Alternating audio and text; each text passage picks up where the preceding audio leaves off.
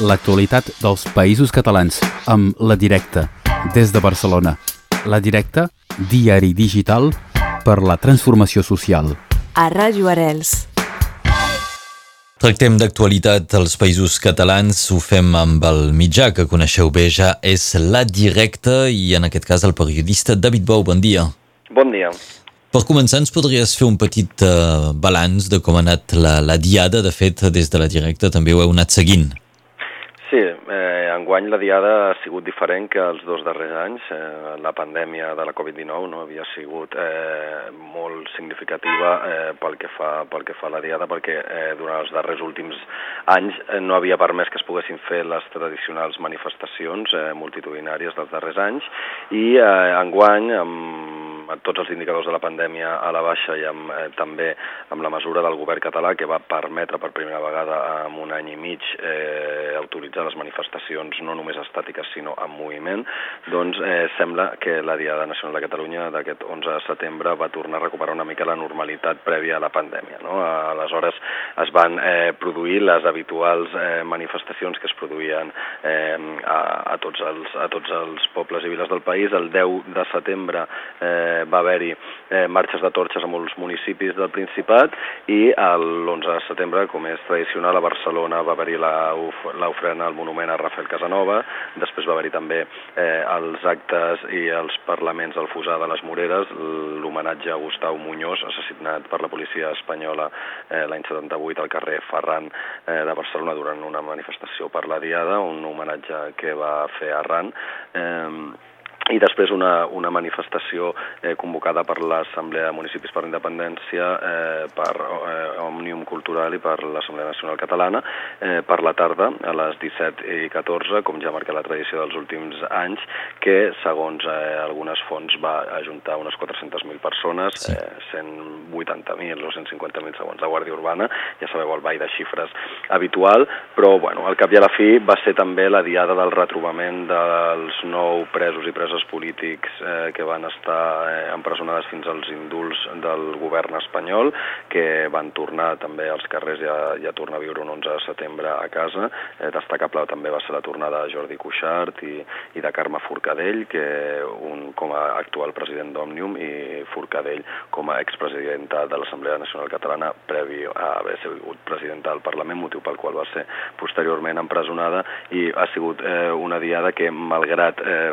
una certa desunió que cada vegada ja, ja no, es percep més eh, dintre de les estratègies de l'independentisme per afrontar aquest nou cicle, doncs va tornar a omplir els carrers de, sí. de Barcelona i de Catalunya. Tot això queda recollit en una fotogaleria que es pot consultar a través de la web. Efectivament, això ho vam recollir en guany amb una fotogaleria que podeu consultar a directe.cat. Sí. Directe.cat, doncs. Eh? Vet aquí per la diada de l'11 de setembre. Ara ens vols eh, parlar d'un altre tema perquè acaba de començar el curs escolar a Catalunya Sud. Efectivament, després de la Diada és quan comença el curs escolar aquí al Principat i aquest dilluns, dia 13, va començar aquest curs. Eh, enguany eh, vam eh, obrir, no, aprofitant eh, que coincidia amb l'obertura del curs escolar, vam obrir amb un tema que amb el seu dia eh, era una informació que havíem intentat accedir mitjançant el Departament d'Educació però que no vam poder accedir amb ella i aleshores el que vam fer finalment va ser eh, fer una sol·licitud a, eh, no, mitjançant la llei de transparència d'accés a la informació Pública i Bon Govern, que és una llei que va aprovar el Parlament de Catalunya l'any 2014, i vam poder accedir a una informació que és quan paga la Generalitat de Catalunya pels lloguers de les escoles concertades que s'han incorporat a la xarxa pública. Eh, en primer lloc, eh, potser pels oients de la Catalunya Nord, aclarir les diferents modalitats a grans trets d'escoles que hi ha al Principat en sí. funció del finançament que reben. -huh. eh, hi ha tres tipus d'escola, l'escola pública, que és l'escola que està finançada íntegrament per, per la Generalitat de Catalunya, és a dir, per, pels impostos eh, de, dels ciutadans. Hi ha l'escola concertada, que és l'escola que té una part de finançament privat i una altra part que rep un concert econòmic, és a dir, un finançament per part també de l'erari públic, i hi ha l'escola privada, que són escoles que eh, únicament estan finançades eh, per, les, per, bueno, no per, per les fundacions o per les entitats que les, que les impulsen. Moltes d'aquestes escoles, de les privades i de les concertades, formen part, eh, no, tenen el seu, tenen la seva propietat amb ordres religioses. I això és el que ha succeït i que està succeint els últims anys, que és que degut a la creixent demanda de eh, places al sistema públic eh, educatiu català, el que seria una bona notícia indubtablement, i també degut a diferents equilibris demogràfics, hi ha zones del país eh, zones del Principat on eh, s'ha necessitat o s'han requerit de més places públiques. Què ha fet la Generalitat en aquest cas? La Generalitat va aprovar un decret amb el seu dia on permetia eh, incorporar eh, escoles de la xarxa concertada a la xarxa pública. Això s'està produint de facto, segons denuncien els sindicats, quan escoles concertades que tenen problemes econòmics ho demanen. Això ho denuncia, per exemple, el sindicat majoritari de, de l'educació a Catalunya, que és l'AUSTEC, de l'Intersindical Alternativa de Catalunya, que consideren que és un rescat de centres en fallida. Aquest, eh, aquest any, aquest curs ha començat a la ciutat de Barcelona amb cinc escoles que s'han incorporat de la, de la concertada, han passat a ser de la xarxa pública. Què ha succeït? Que tot el personal d'aquestes escoles eh, han passat a ser eh, funcionaris sense haver fet oposició, però a banda d'això també ha succeït que la Generalitat està pagant un lloguer dels edificis eh, on s'alberguen aquestes escoles, a, en aquest cas, a les, a les congregacions religioses que abans eh, explotaven o que tenien la, la titularitat de, de les escoles. Això suposa que hi ha una escola, per exemple, de Barcelona, en la que, està, que la Generalitat està pagant 3 fins a 35.000 euros al mes eh, de lloguer mensual i que en total la Generalitat, amb aquestes 5 noves escoles que s'ha incorporat al sistema públic, eh, eh, està pagant en lloguer 65.000 euros eh, mensuals a partir d'aquest curs. Bueno, és un tema que està a debat, com sí. el sistema educatiu eh, no? a Catalunya sempre és eh, quelcom i la comunitat educativa, que és una comunitat molt activa, que sempre eh, té molts temes, molts temes a debat i aquest és un debat que nosaltres hem volgut posar sobre la taula a partir d'aquesta informació que vam aconseguir. Doncs aquest és el, el tema després d'aquesta rentrada escolar, eh? l'inici del curs a Catalunya Sud. Espero, Ens... espero sí. haver-me fet, fet, fet entendre com els, com els docents de, de l'escola pública.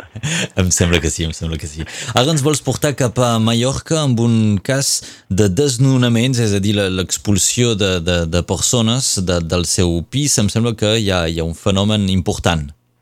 Sí, com bé sabeu, aquí als països catalans sota administració espanyola és un problema molt, molt important, el tema dels desnonaments, un any més, eh, per nosaltres tornarà a ser un tema estratègic que anirem fent seguiment i en aquest cas eh, en Tomeu Mesquida i el Miquel Àngel Cloquell des de Palma eh, ens porten eh, una notícia que ens explica com el moviment contra els desnonaments a, a Mallorca està patint un setge repressiu per part de les forces i cossos de seguretat de l'Estat.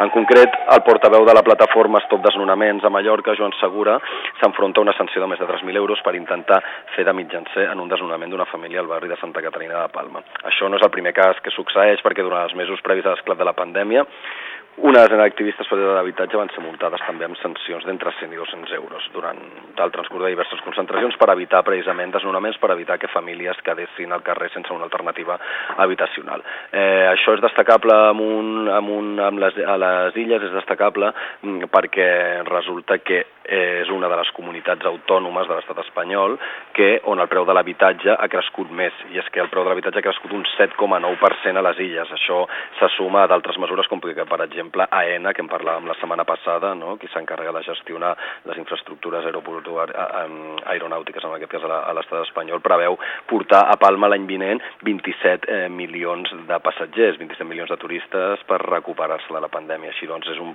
és un problema eh, creixent i més eh, en aquest cas a Mallorca, que al ser una illa té una superfície, com bé sabreu, limitada, eh, en aquest cas pel mar. No? L'actualitat dels països catalans amb La Directa, des de Barcelona. La Directa, diari digital per la transformació social. A Ràdio Arels.